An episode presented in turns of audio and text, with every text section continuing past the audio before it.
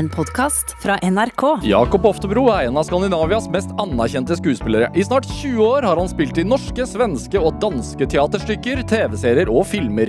Gjennombruddet kom i TV-serien Erobreren og filmen Kon-Tiki i 2012, men det er i løpet av de siste syv årene med TV-serien Hamilton og filmer som Gullkysten og Den største forbrytelsen at karrieren virkelig har skutt fart.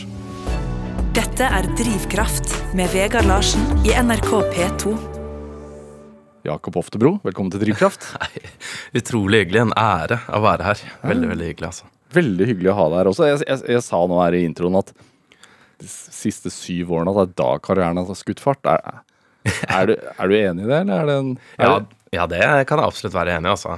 At jeg har, fått, har vært heldig og fått lov til å jobbe mye den, den siste tida. Ja, ja. Heldig. Heldig, ja. ja jeg er jo det. Jeg er heldig. Det er jo litt arbeid som ligger bak, er det ikke?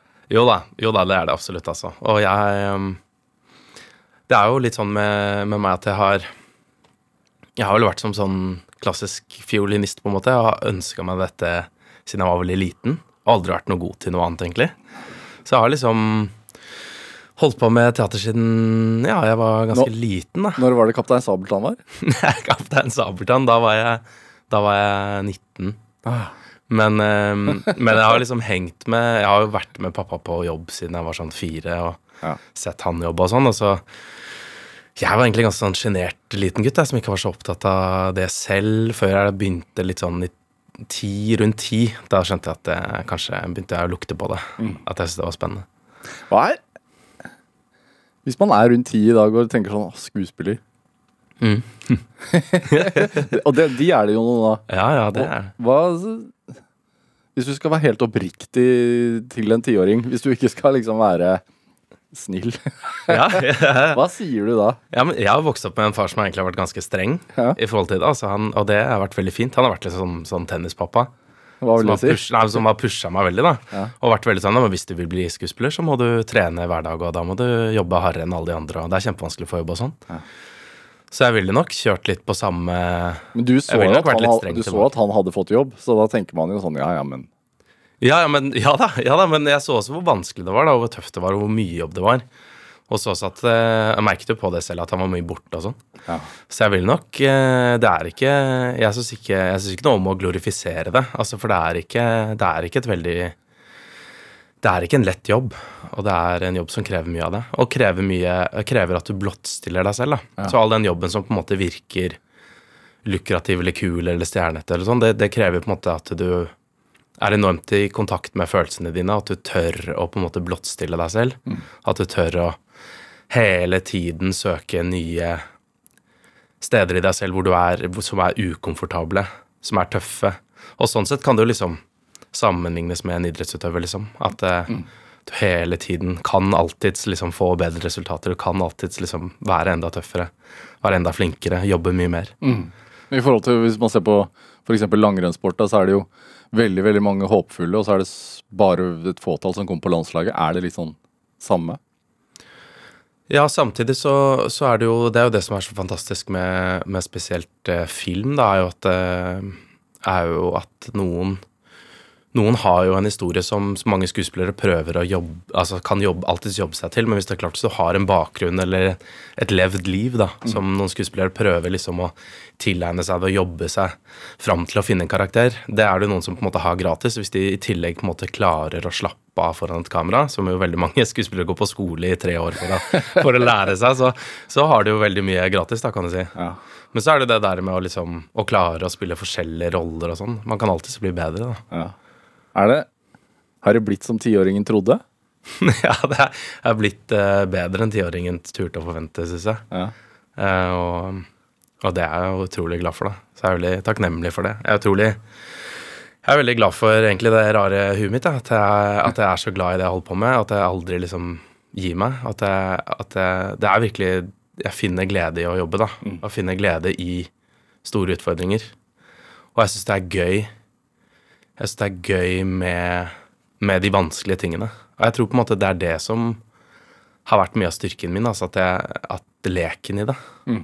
At jeg ser At jeg syns det er morsomt med en stor utfordring. At jeg syns f.eks. Kids in Crime nå, da, som er en sånn Som har premiere i morgen? Som har premiere i morgen, ja. ja. Men som er en sånn rolle som liksom jeg egentlig har drømt om lenge, da, å få en sånn ordentlig sånn gangsterrolle, eller en sånn type som er veldig tøff og hard, da, som, Som ligner på deg? som absolutt ikke ligner på meg. eller som er så veldig langt fra det livet jeg lever nå, da, med sånne små barn og sånn.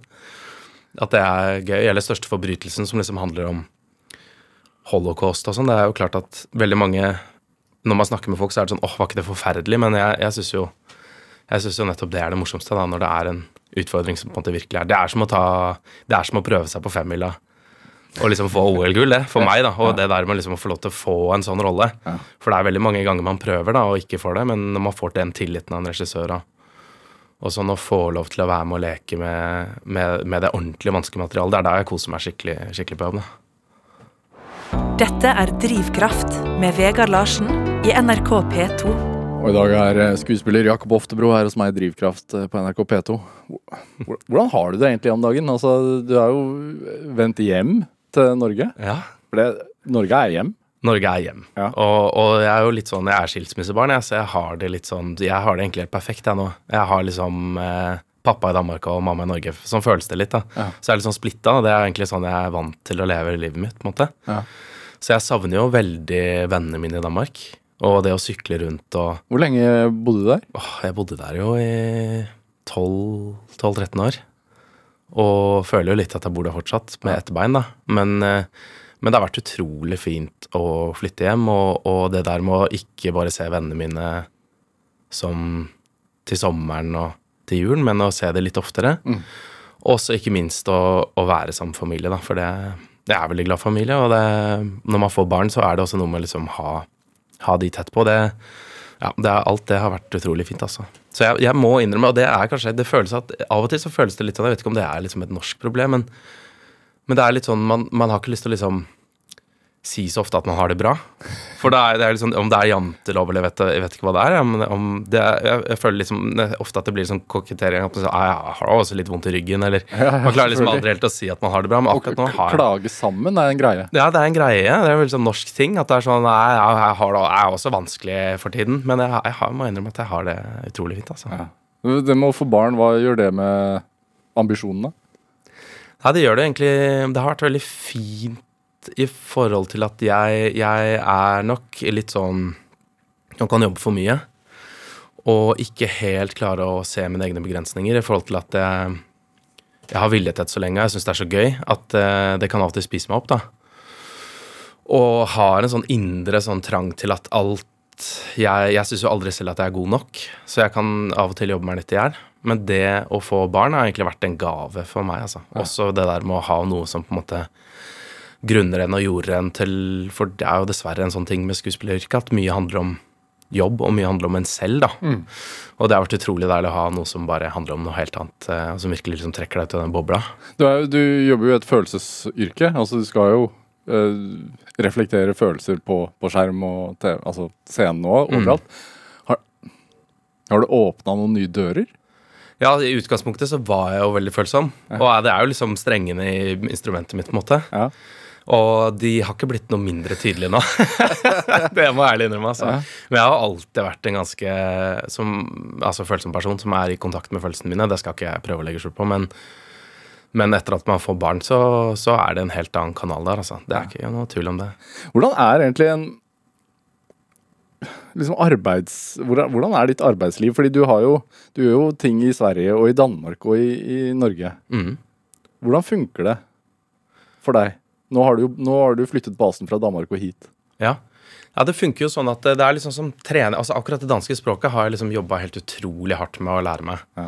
Og det er litt sånn som med trening, da, at det, når jeg ikke snakker det hver dag, og sånn, så kjenner jeg det. Så nå, nå er det tøffere for meg hver gang jeg får en jobb i Danmark. Det er mer jobb. Hvordan lærte du deg det, egentlig? Det startet egentlig med at jeg skulle ta et ekstra år på teaterskole i Danmark. For jeg var, jeg var så heldig å komme inn tidlig på teaterskolen. 18 år. 18 år, ja. Ikke fullført utdannelse engang? Fullførte jeg jo Stokk dum. Fullførte ikke videregående. Og det var egentlig veldig deilig for meg. Eh, egentlig fordi jeg har det, For jeg kjente jeg, For det første har jeg mye energi, og så var det det der med at på skolen så, så har jeg aldri liksom helt følt at jeg ble forstått. Eh, og aldri helt følt meg sett. Jeg fikk jo to i drama det året jeg kom inn på teaterskolen. Så for meg var det en sånn langfinger til hele systemet, egentlig. At jeg kom inn og syntes det var utrolig deilig. da Men hvorfor følte du deg ikke tilpass?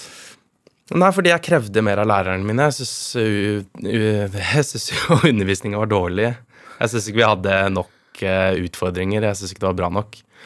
Så jeg, jeg gikk på masse sånn barne- og ungdomsteater ved siden av og kranglet masse med lærerne mine og sånn, da. Så det, det var, da fikk jeg to i drama, da. Ja, irriterende 17-åring. Irriterende 17-åring, sikkert. Ja, men det sier jo også litt. Det var jo også noe der som kanskje ikke Det var vel litt på kanten av noe hashtag metoo. Det er jo ikke helt riktig når man får to i drama og kommer inn på teaterskolen samtidig. Det må ha vært noe som var litt feil der òg. Og det var sånn sett veldig deilig for meg å på en måte slippe ut av det, da. Jeg har aldri følt meg helt hjemme i det skolesystemet.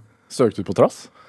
Absolutt ikke på trass. Jeg søkte fordi jeg, jeg kjente at, eh, at eh, det, var, det var Men kanskje skal, man- skal man også takke all den motgangen, da. Jeg kan sikkert også egentlig på en måte takke de lærerne. At de, de sendte meg nok litt over kanten òg. For hadde jeg blitt liksom virkelig utfordra der og kjent at dette var riktig for meg, så hadde jeg sikkert blitt, da.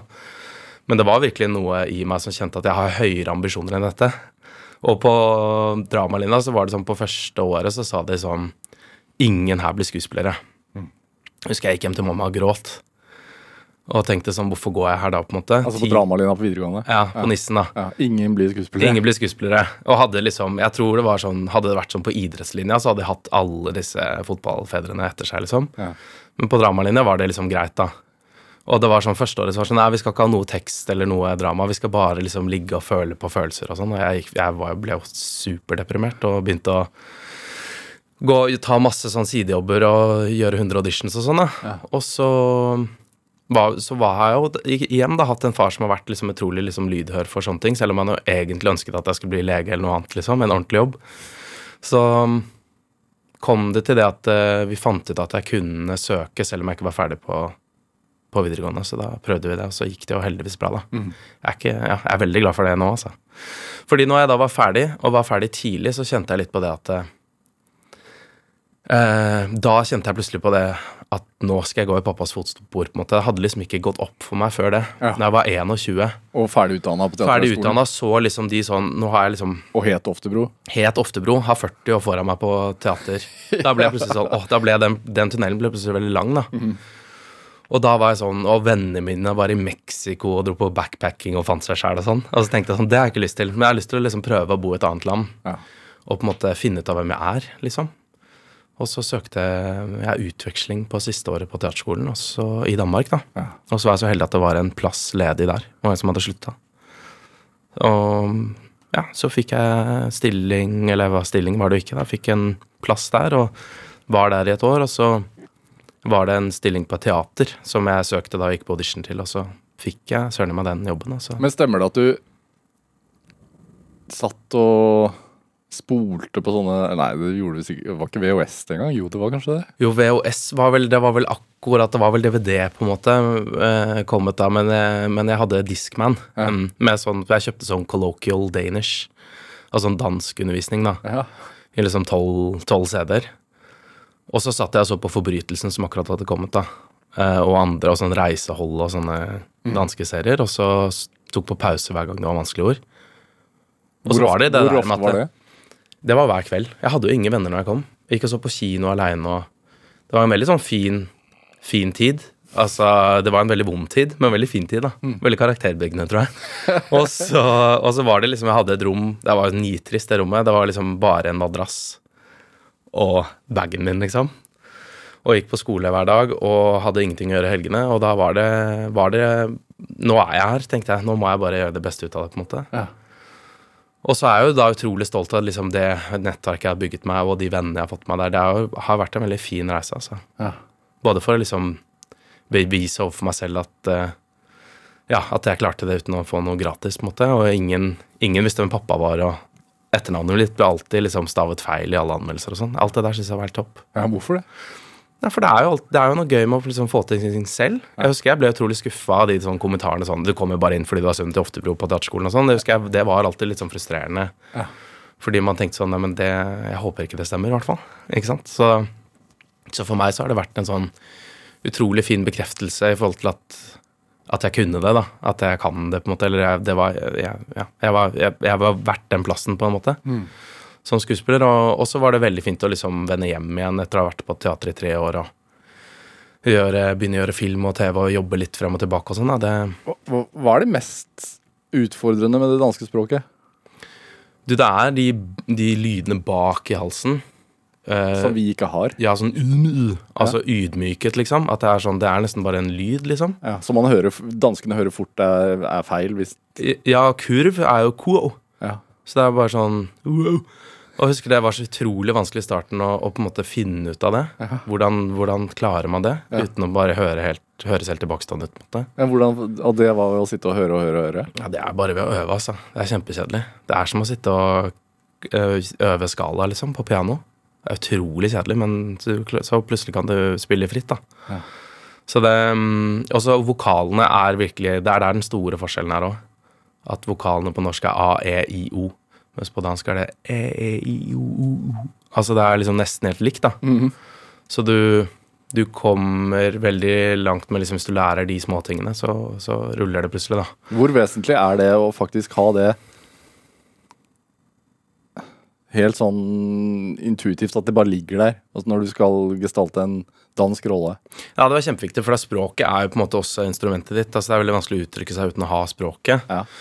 Så, og det jobber jeg som sagt med hele tiden, og det, det, har, vært en sånn, det har vært en kjempeutfordring, men veldig gøy, da. Jeg som sagt, jeg syns jo store utfordringer er gøy, så jeg syns jo det var veldig spennende, men det var veldig tungt òg. Jeg fikk sånn Jeg måtte gå til en eller annen sånn spesialist på et tidspunkt. Jeg hadde sånn betennelse i tunga, for jeg hadde liksom bare gått og øvd i et halvt år. Så jeg klarte nesten ikke å svelge. Jeg fikk sånn forkjølelsesår bak i halsen. og tunga mi ble dobbelt så stor og fikk sånn hevelse bak og sånn. Så det var jo et problem på et tidspunkt. Det var ikke noe tvil om det. Men det kule var liksom, for i starten så jeg gikk på 7-Eleven og liksom skulle få meg dansk SIM-kort og sånn. Og de snakket slo jo bare over til engelsk. Ja. Må huske at dette er lenge før Skam, altså, og lenge før de syntes at noe fra Norge var kult. Ja, ja. Men det er veldig gøy å se hvor mye kultur på en måte betyr, da. Grunnen til at vi er opptatt av dansk, og i det hele tatt liksom forstår et kvekk av dansk, er jo fordi dansk kultur har vært veldig fremtredende. Da. Samme svensk. Jeg har sett alt av sånn Pippi Langstrømpe og sånn på svensk. Så antakeligvis kom det lettere da, når du skulle inn i Hamilton-rollen. Det har jeg selvfølgelig, fordi jeg hadde sett uh, Pippi Langstrømpe og Emily Lønneberg, og alt var jo dubbet til svensk og dansk. Turtles og sånn var dubbet til dansk og svensk da jeg var liten, husker jeg. Så det mm, Jeg tror det, det er veldig viktig, altså. Og sånn sett er jo kultur veldig sånn brobyggende, da, hvis du ser på liksom nå at DR kjøper alt av norske TV-serier, og folk ser på Heimebane og Skam, og, og Skam har virkelig vært en sånn plog, altså. Hva med serpedialekt? Og det, apropos, det er jo veldig sånn Pappa er jo fra Serp, ikke sant? Jeg er vokst opp i Serp, på en måte. Hver helg dro vi til farfar og besøkte han, og så har jeg vært der veldig lite siden, og pappa har ikke snakket noe serping hjemme. Så når jeg skulle liksom gå i gang med det nå, til den Kids in Crime, så kjente jeg sånn åh, det var noe sånn barndomsminne over det. Det var noe veldig sånn fint med det, men også veldig langt ifra, fordi det er nesten lettere med dansk fordi det er langt unna, men serping fordi det, det føles liksom så tett på. Det ble nesten sånn åh, hvordan skal jeg klare dette? Men det var gøy, altså. Og gøy å liksom spille gangster gangster med liksom serpedialekt. Det var, det var stas. Hvor er serpe, hvordan er serpevokalene? Nei, ja, men det er mest den der Den er jo veldig populær nå, da. Den derre ballen. Zalo Ja, alle unger. Så. Alle unger er jo, det er jo Østfoldselen er jo super på mote. Så sånn sett er det jo, er det jo veldig gøy, da. Men eh, nei, det var, det var gøy å, å, å ha sånne replikker som 'hold kjeft når du snakker til meg'. 'Hold kjeft når du snakker til meg'. Og så være tøff i tillegg, på en måte. Det, det var eh, veldig gøy. Ja. Du spiller eh, Freddy Helvete. Freddy Helvete, ingen ringer, altså. Og han er eh, det er, det, det er nok det råeste jeg har prøvd eh, noen gang, altså. Hvorfor det? Ja, fordi det er så far out, og fordi Kenneth, da, som kommer fra Sarpsborg, fordi det er liksom historier fra hans oppvekst og folk som han har kjent, og så det er basert på liksom sanne ting, og noen ting er diktet opp og sånn, men det er, det er så rått. Og jeg har selv vokst opp i den tida, husker liksom disse karakterene med tribals på armen og den sveisen jeg ser jo ikke ser ut som Scooter, liksom, hvis du husker han artisten, og, og det så det var så gøy å duk, dukke ned i det igjen. da. Hadde på meg bukser som jeg hadde sjæl da jeg vokste opp, og sko som jeg husker kompisen min hadde og sånn. Hva slags sko? Ja, det var sånne, sånne Hva heter det? Sånne DC, sånne skate Sånne svære, de var så abnorme, liksom. Um, og det Jeg husker bare lukta av liksom parfymene og hvordan man så ut. og Det var utrolig gøy å liksom dukke ned i det universet. Og så var det kult å jobbe med en regissør som som er så annerledes. Han film, vi filmet jo masse på VHS, som jo ingen gjør lenger. Jeg har aldri gjort det før. Og de klippene hvor det liksom klippes til VHS, så føler man jo nesten litt at man er med på en sånn hemmelig konfirmasjonstape eller en slags sånn snøff-film. Man er liksom åh, hva er det som skal komme nå? Nå kommer det liksom ubehagelige, liksom. Så det, det var veldig, veldig gøy å få lov til å liksom være med i det universet og få lov til å spille en karakter som liksom er så langt fra meg. da. Det er jo en veldig ære, da. Hvordan var Var det noe sånn Hva skal man si? Lefling med crime i din ungdomstid? Altså På Kjelsås, der vi har vokst opp, så var det jo veldig skjerma. Og ikke noe Det var jo skating og litt tagging og sånn, men ikke noe, ikke noe liksom mer enn det. Og Men når vi Når jeg flytta til Majorstua, så var det jo mer Der er det jo klart eh, både òg. Der er det liksom veldig Veldig Folk kommer fra gode familier, og så er det også folk som kommer fra mindre, mindre trygge familier. Og der var det veldig tydelig å se hvordan på en måte systemet er lagt opp sånn at alle blir på en måte behandla likt, selv om du veit at en av elevene har et hjem hvor den ikke kan gå hjem til. Eh, ingen foreldre som hjelper til med lekser. Det er ikke noe hyggelig å være hjemme fordi det blir festa, det blir tatt dop hjemme. Det er høylytt sex når man kommer hjem fra skolen. Det er liksom ikke noe kult å være hjemme. Og det å liksom se de eh, Å være en del av det, å komme fra liksom et hjem som er trygt, og så på en måte prøve å være venn for de, og prøve å liksom hjelpe til uten å bli dratt inn i det miljøet. da, være, Henge på Youngstorget, henge på Maurstadtrappa. Være tett på, men liksom skjønne at man aldri skal trekke seg inn i på en måte det tøffeste miljøet. Det var, det var en veldig Jeg er veldig glad for den erfaringen. da. Jeg er også veldig glad for at jeg liksom aldri aldri falt helt utpå, liksom. Men det er klart, det var jo noen folk der som Hvis det hadde gått feil, så kunne det gått ordentlig feil, på en måte. Hva i deg var det som gjorde at du ikke ble tiltrukket av det? Nei, igjen så tror jeg jeg har hatt en utrolig styrke med at jeg liksom Humor har vært veldig våpen for meg alltid, da. På Kjelsås så alltid vært litt han tykke rare. Lille som likte å leke.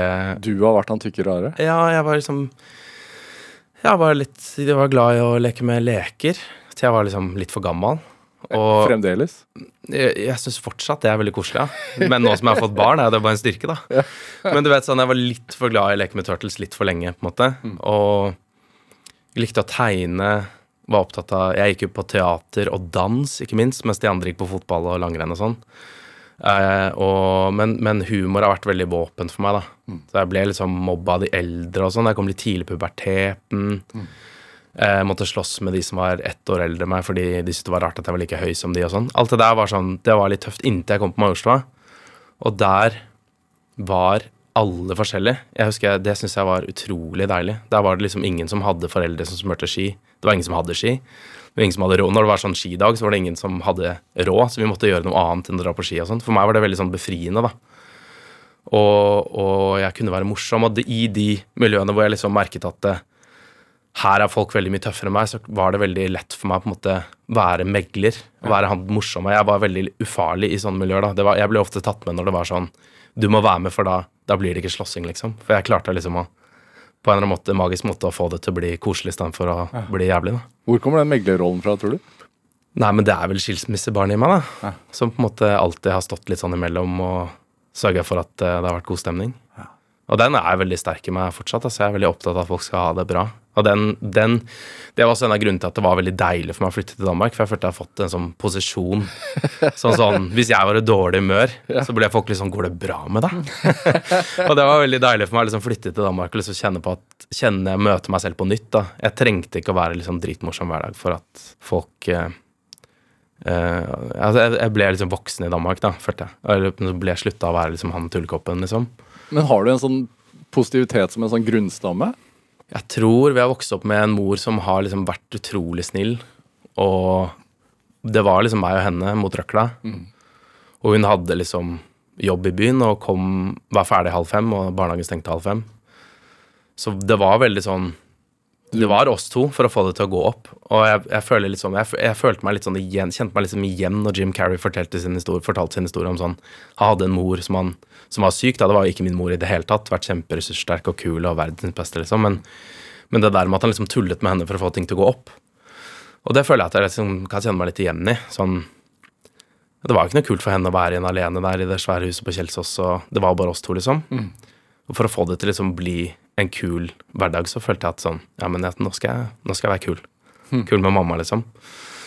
Så jeg kjente meg veldig igjen i det. Sånn ble liksom litt han tullkoppen som, som var opptatt av å og, og fikk veldig mye kjærlighet tilbake, da. Har fått utrolig mye kjærlighet i oppveksten, liksom. Og er veldig, veldig glad for det. Jeg kjenner at det ligger veldig i meg. Tidlig å ta på seg en entertainerrolle da, for at, å ta det ansvaret, på en måte. Ja, ja, absolutt. Jeg husker veldig lenge at jeg tenkte Det er veldig rart å si det høyt. Det føles liksom på en måte litt oppblåst, men jeg tenkte at liksom min mening med å komme til verden var å få andre til å være i godt humør. Um, og det tok jeg veldig på meg på skolen. sånn. Det var jo også et problem, selvfølgelig. Og til alle klasseforstanders store mareritt. At jeg alltid var opptatt av at alle skulle le og ha det gøy hele tiden. Men, men det var veldig en sånn indre drivkraft i meg, da. Det der at alle Jeg var opptatt av at alle skulle le og ha det gøy. Har også vært en, et problem for meg, altså. Eh, absolutt. For det Hvordan da? Nei, på teaterskolen for eksempel, så var de veldig opptatt av at jeg ikke skulle være morsom. Fordi jeg var jo morsom hele tiden. Og det, det, så det har vært veldig sånn Det har vært en lang reise for meg å liksom finne fram til liksom også alvoret i meg, da. Fordi jeg har hatt så mye lek, på en måte. Men, eh, men det har også vært en veldig fin reise. Altså, den kom et veldig gratis med å liksom bli eldre og sånn, tror jeg. Men jeg har absolutt liksom vært veldig sånn klassens klovn på, på godt og vondt, da, fordi usikkerheten rundt meg selv, og det at jeg alltid liksom Jeg har alltid liksom hatt en identitet som har vært han litt sånn tjukke mobba rare gutten. Så aldri liksom følt meg som han kule, men, men sikkert utad virket veldig kul, da, fordi jeg har vært veldig kjapp i replikken og morsom og sånn. Så det har vært et våpen, mens liksom skjult bak en sånn veldig sånn usikkerhet, da. Så det har vært liksom på godt og vondt, på en måte. Jeg har alltid hatt lyst til å bli tatt seriøst, men jo veldig ofte blitt misforstått fordi jeg har vært han morsomme, da.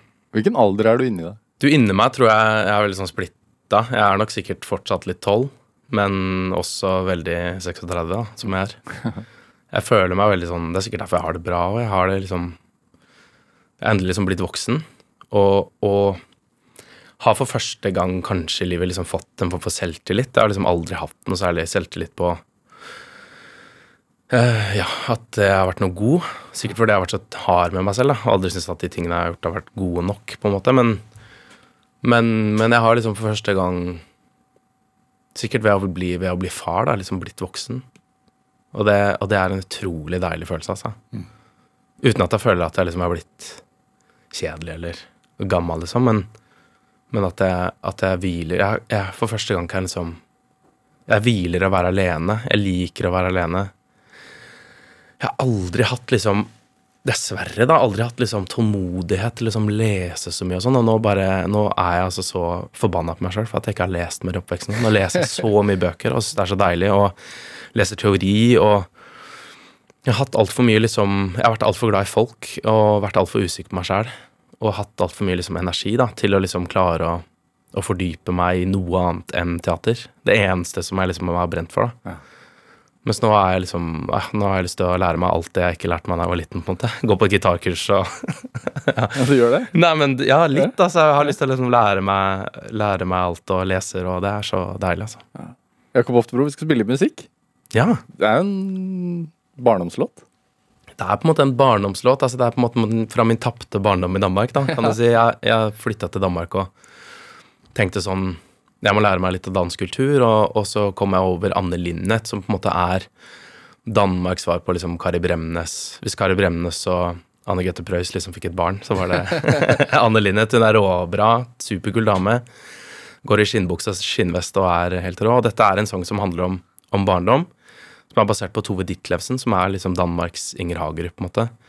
Og den sangen husker jeg grein da jeg hørte den første gang, og, og den har betydd mye for meg. altså. Hvorfor rører den sånn ved deg?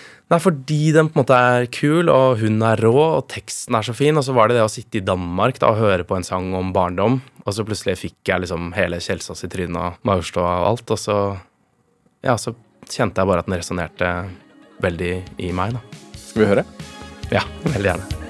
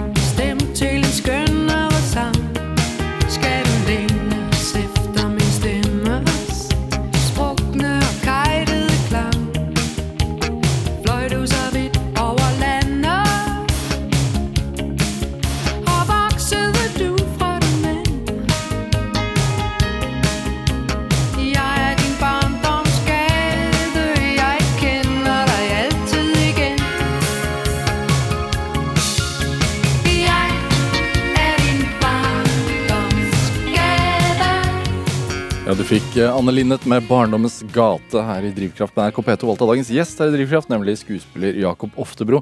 Det er samlegenet ditt. Ja. Hvor eh, oppslukende er det? Samlegenet mitt? Ja.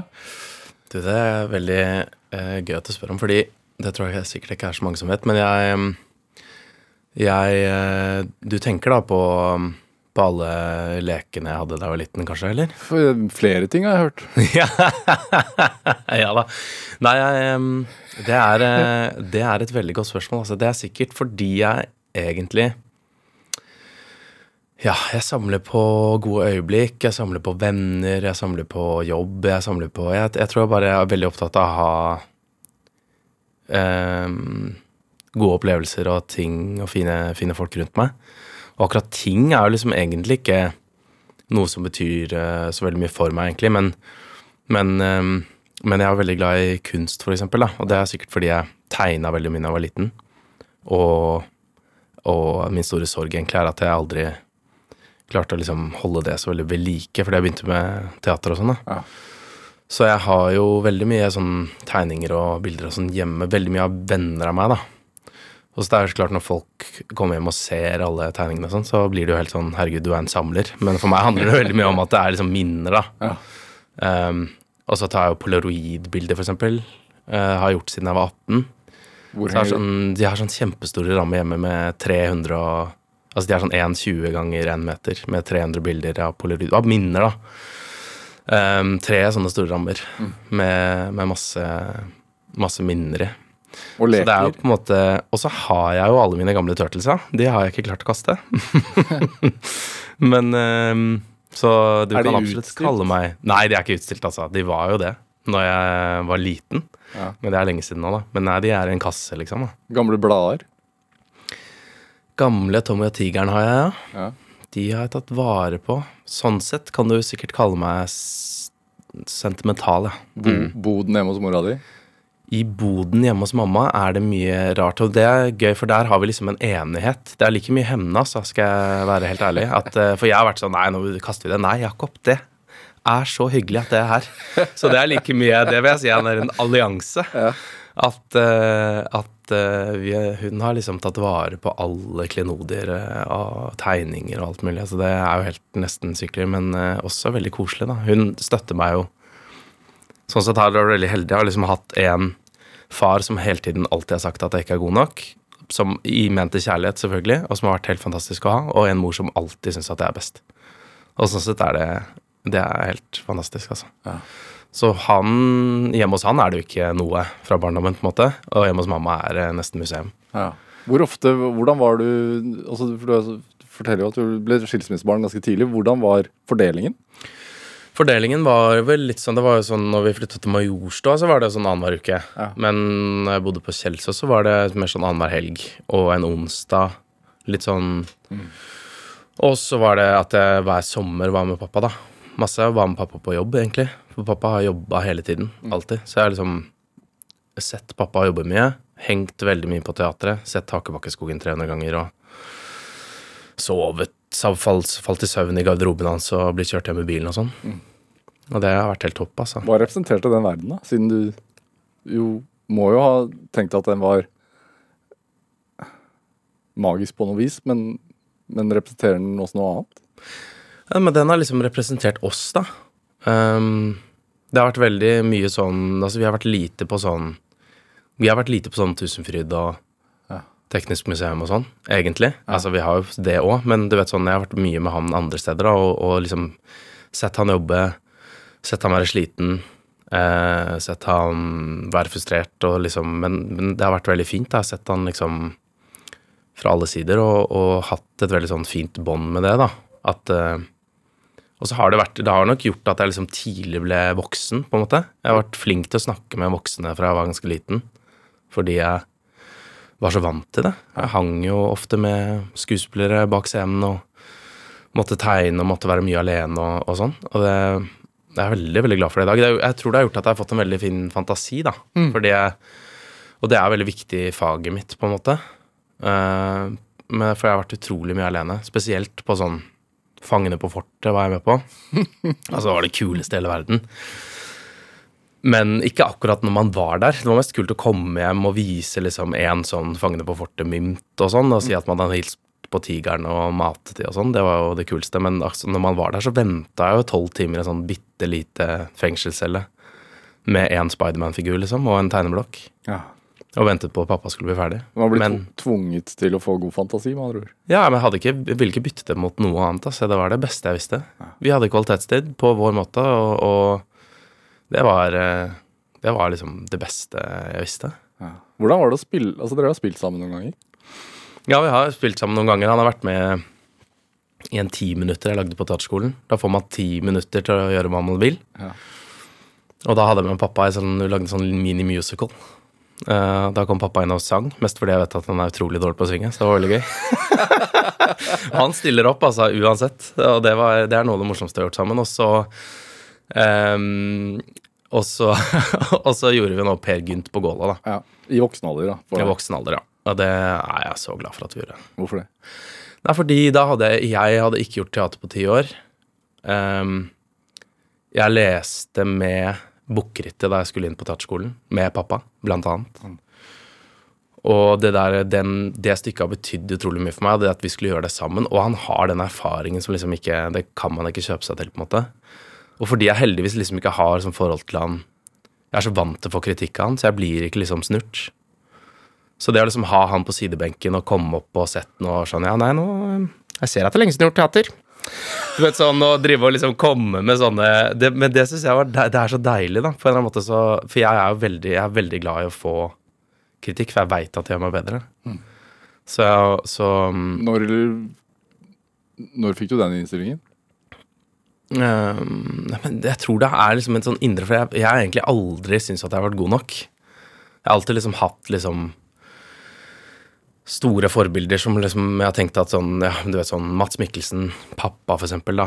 Eh, var veldig fan av Leonardo DiCaprio i ung alder, selvfølgelig, som alle andre og sånn. Og, og liksom tenkt sånn Det går ikke an å bli så god, men det er veldig gøy å ha det som som liksom en slags sånn Sette det opp på pidestallet og tenke Herregud, tenk hvis, han, tenk hvis man en gang kan liksom drømme om å komme i nærheten av noe sånt. Så jeg har aldri syntes at jeg har vært god nok og sett ting av meg selv og liksom gremmes, nesten.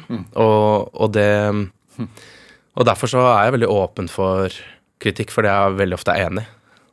At det er sånn Nei, jeg vet det, ja, faen, det er ikke godt nok. Jeg vet det, jeg er ikke god nok.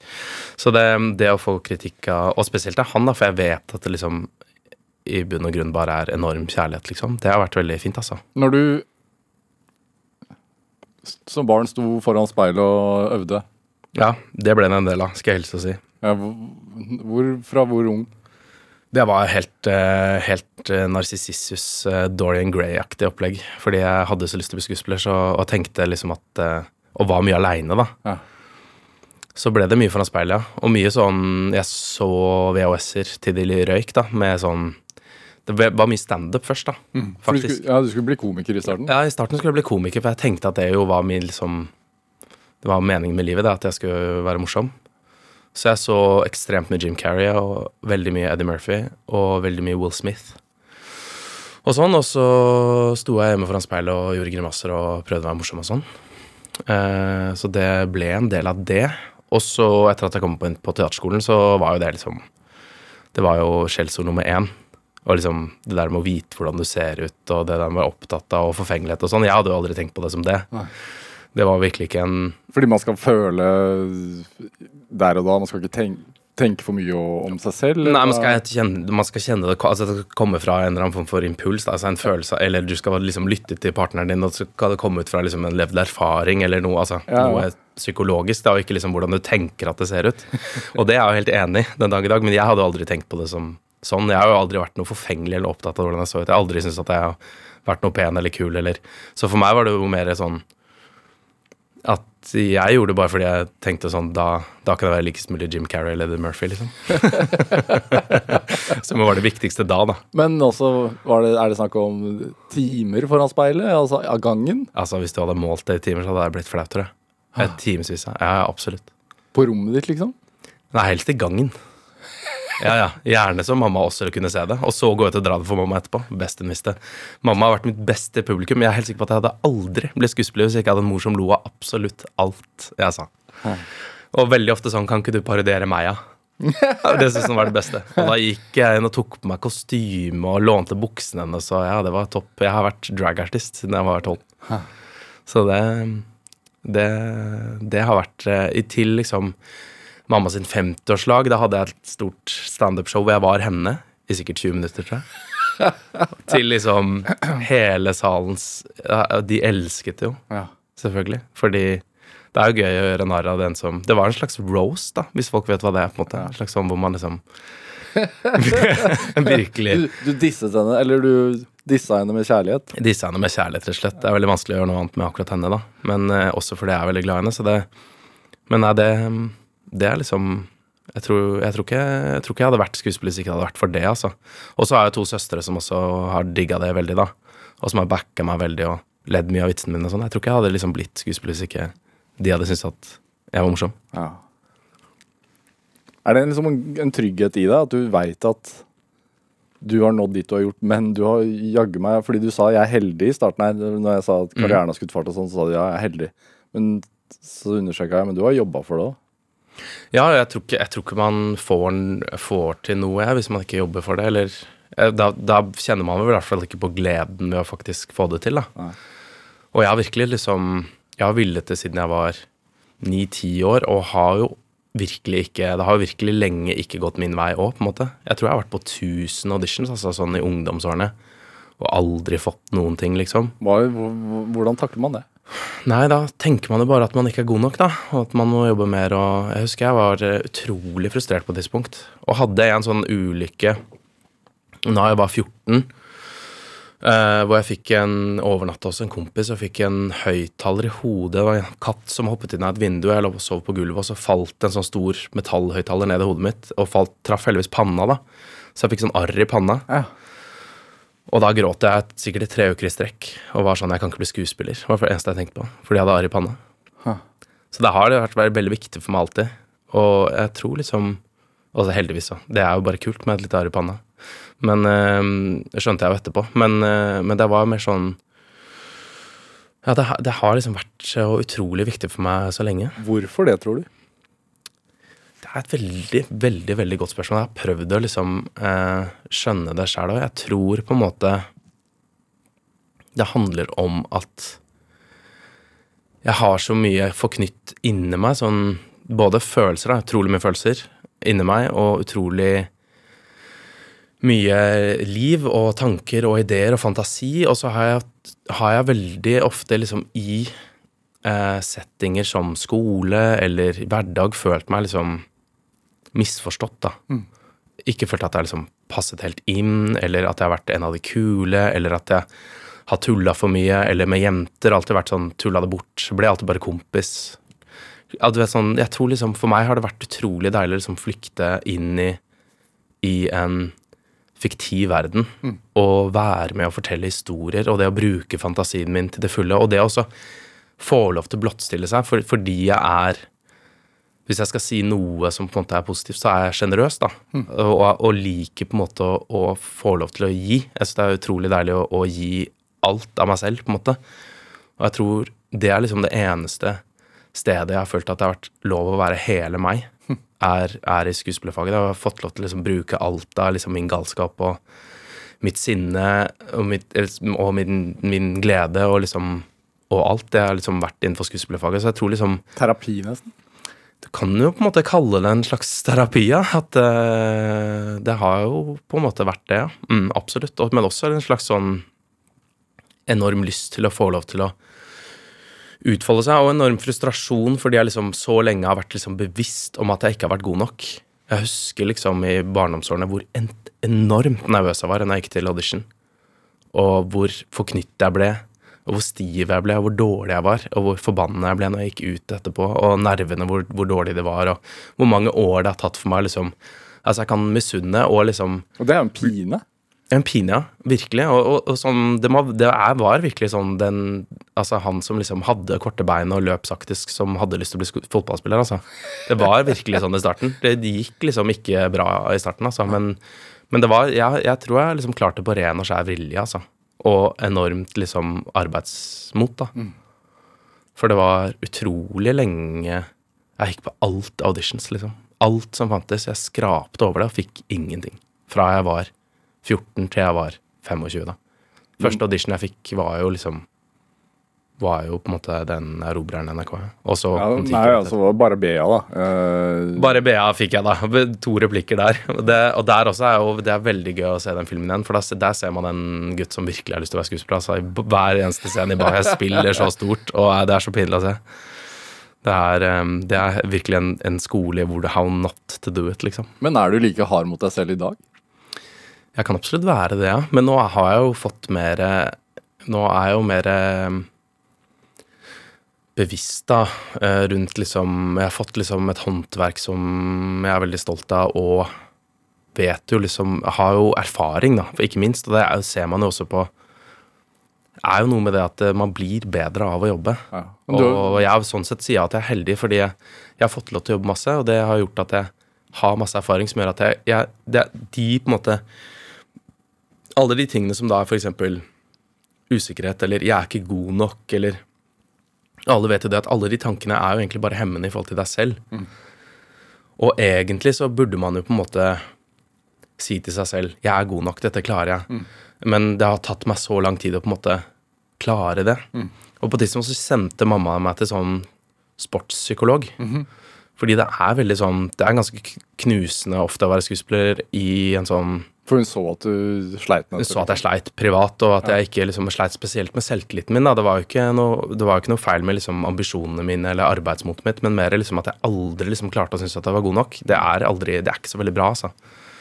Og så sendte hun meg til sånn sportspsykolog, og han ehm, hadde vært liksom trener for eh, alpinlandslaget og sånn.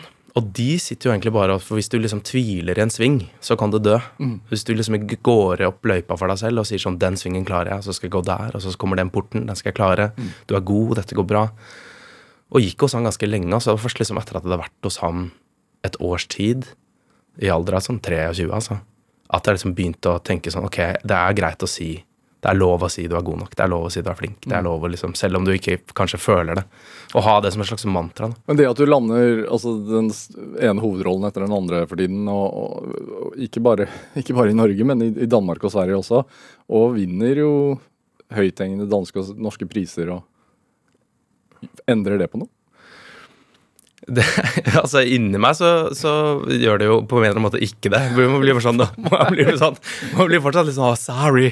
Men ja, de andre var bedre og sånn. Jeg klarer liksom altså, For eksempel Amanda og sånn tenkte jeg sånn Den vinner jeg aldri. Også fordi det har vært så høythengende, og pappa har to Amandaer stående på hylla hjemme og sånn. Tenkte sånn, Det er bare pappa som får til det og sånn. Men, eh, men det er klart at eh, det å få lov til å Det å liksom ha fått det til i Danmark for meg, det har vært en veldig sånn personlig reise. Og det har også gjort selvfølgelig at jeg har fått mer selvtillit på at jeg kan, da.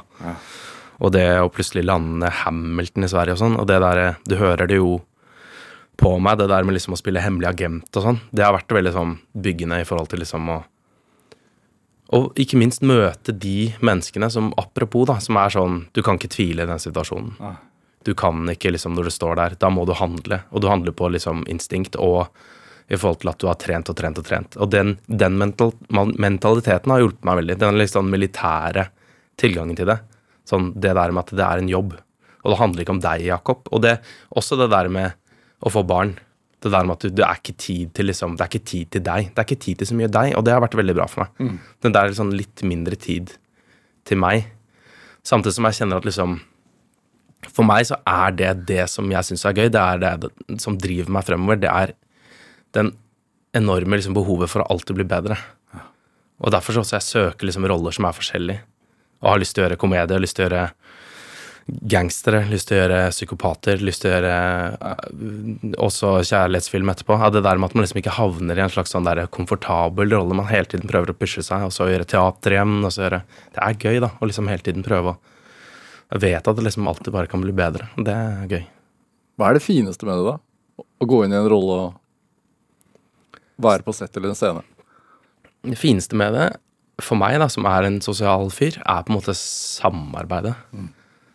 Fordi det øyeblikket det liksom blir for mye fokus på meg, det, det syns jeg er slitsomt. på en måte. Men når det er liksom er jobb sammen, at man jobber sammen for å få noe til å bli bra, det er noe veldig rørende ved det, syns jeg.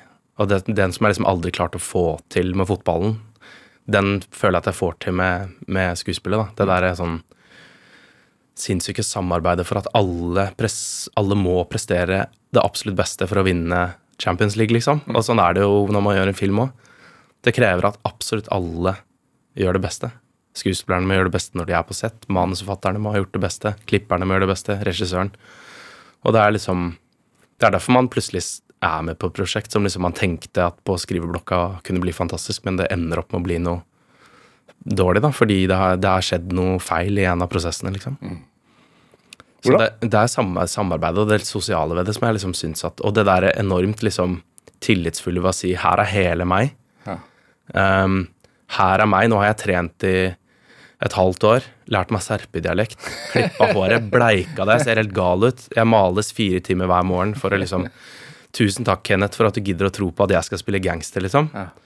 Og det der med liksom den tilliten og det arbeidet, det er liksom enormt rørende da, og kult. Synes jeg. Det er liksom det, den delen av det som jeg syns er gøy. Og det med å spille overfor folk som da er helt nye og ferske, aldri prøvd det før, som kjenner at det er sånn, syns det er kjempegøy å spille med meg sånn. Jeg bare- du vet sånn, jeg syns det er like gøy å spille med de. Og dermed liksom å, å liksom ta ned, få de til å senke skuldrene. Sånn, fy faen, nå er det bare oss. Nå skal vi bare spille skitten ut av denne scenen her. Og, og, og gjøre det sammen. Det syns jeg liksom, det er det, er det gøyeste ved det, syns jeg. Du er, siden du er nostalgiker, for det er du jo. Ja, ja, ja. ja, ja. Sentimental nostalgiker. Ja. Er, er det en styrke? Altså, på mange måter jo ikke. Å være nostalgisk er jo egentlig noe ekstremt eh, sentimentalt og, og trist, på en eller annen måte. I hvert fall hvis man skal leve i nuet, da, som jeg prøver I nuet! som jeg prøver, da. Men, eh, men det der med å, å, å ha tilgang til følelsene sine, det tror jeg er, er veldig Det tror jeg er en veldig styrke. Og, og at jeg liksom er veldig bevisst på den jeg er, og er veldig åpen på det. Jeg prøver liksom ikke å Jeg har aldri hatt noe behov for å være kul, liksom, for det har aldri vært det. Så det er liksom ikke noe sånn Eller i hvert fall i forhold til forfengelighet og sånn. Jeg er veldig litt forfengelig i forhold til hva folk tror om meg, eller hvem jeg er. For jeg har aldri liksom Når du fikk den brannskaden, da? Du gråt jo da du var barn og fikk det hakket i panna, men Ja, men Det handlet bare om at jeg trodde som 14-åring at jeg ikke kunne bli skuespiller hvis jeg hadde arr i panna. Ja. Som jo er veldig søtt på en måte, da. men eh, da sa søsteren min veldig fint til meg bare se på Joaquin Phoenix som du elsker, liksom. Han har hareskår. Og da var jeg sånn ok, greit. Da hadde jeg grått i tre uker, og så var jeg sånn det er sant, jeg elsker Joaquin Phoenix. Ja, ok, det er greit, jeg skjønner hva du mener. Og da den brannskaden var mer psykisk for meg, så handlet det mest om at eh, jeg hadde forberedt meg i fem måneder og trent hver dag og lært meg svensk og sånn, og så skulle jeg sitte inne hele den sommeren. Det var tøft. Men så ble jo Hanna gravid, og da glemte jeg alt, egentlig, om det. Så det var en gave fra ja, fra himmelen, hvis man skal si noe sånt. da. Det var det beste som kunne skjedd meg altså, akkurat da. Så det så det, Jeg tenkte liksom aldri på Da var jeg ferdig med å tenke på det. Altså, jeg fikk et arr i ansiktet. Det var ikke det jeg var bekymra for. på en måte. Jakob Oftebro, en time går altfor fort, men du har jo snakket om det her, men hva, hva, hva tenker du er, er din drivkraft? Nei, min drivkraft Først så tror jeg det var eh, drevet veldig av frykt for å liksom ikke få lov til å jobbe med det jeg hadde lyst til. Eh, og nå er det vel en blanding av liksom Jeg tror drivkraften min er ønsket om å alltid bli bedre, og ønsket om å liksom få lov til å fortsette å være med å leke.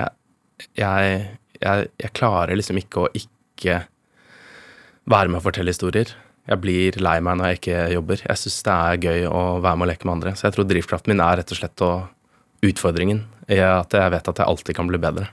Jakob Oftebro, tusen takk for at du kom hit til Drivkraft. Tusen takk for at du kom. Det var veldig hyggelig. Hør flere samtaler i Drivkraft på nrk.no eller i appen NRK Radio. Produsent i dag det var Ellen Foss Sørensen, mens eh, Olav Tessem Widsvang bidro med research til denne sendingen. Dette var Drivkraft. Jeg heter Vegard Larsen. Vi høres. En podkast fra NRK. Hva gjør du hvis noen har gjort noe helt utilgivelig? Som f.eks. å kjøre deg ned i rusa tilstand og skade deg for livet? Det virka som hun ikke var brydd i hele tatt. Hva er det for person? Eller hvis naboen fjerner hekken din? De irriterer meg noe jævlig. Det er liksom den arrogansen. Møt mennesker som har kommet i kontakt med Konfliktrådet med ønske om å kunne gi slipp på det vanskelige. Det, det her er en sånn situasjon som jeg eh, skulle ønske liksom ikke hadde hendt. Utilgivelig hører du kun i appen NRK Radio.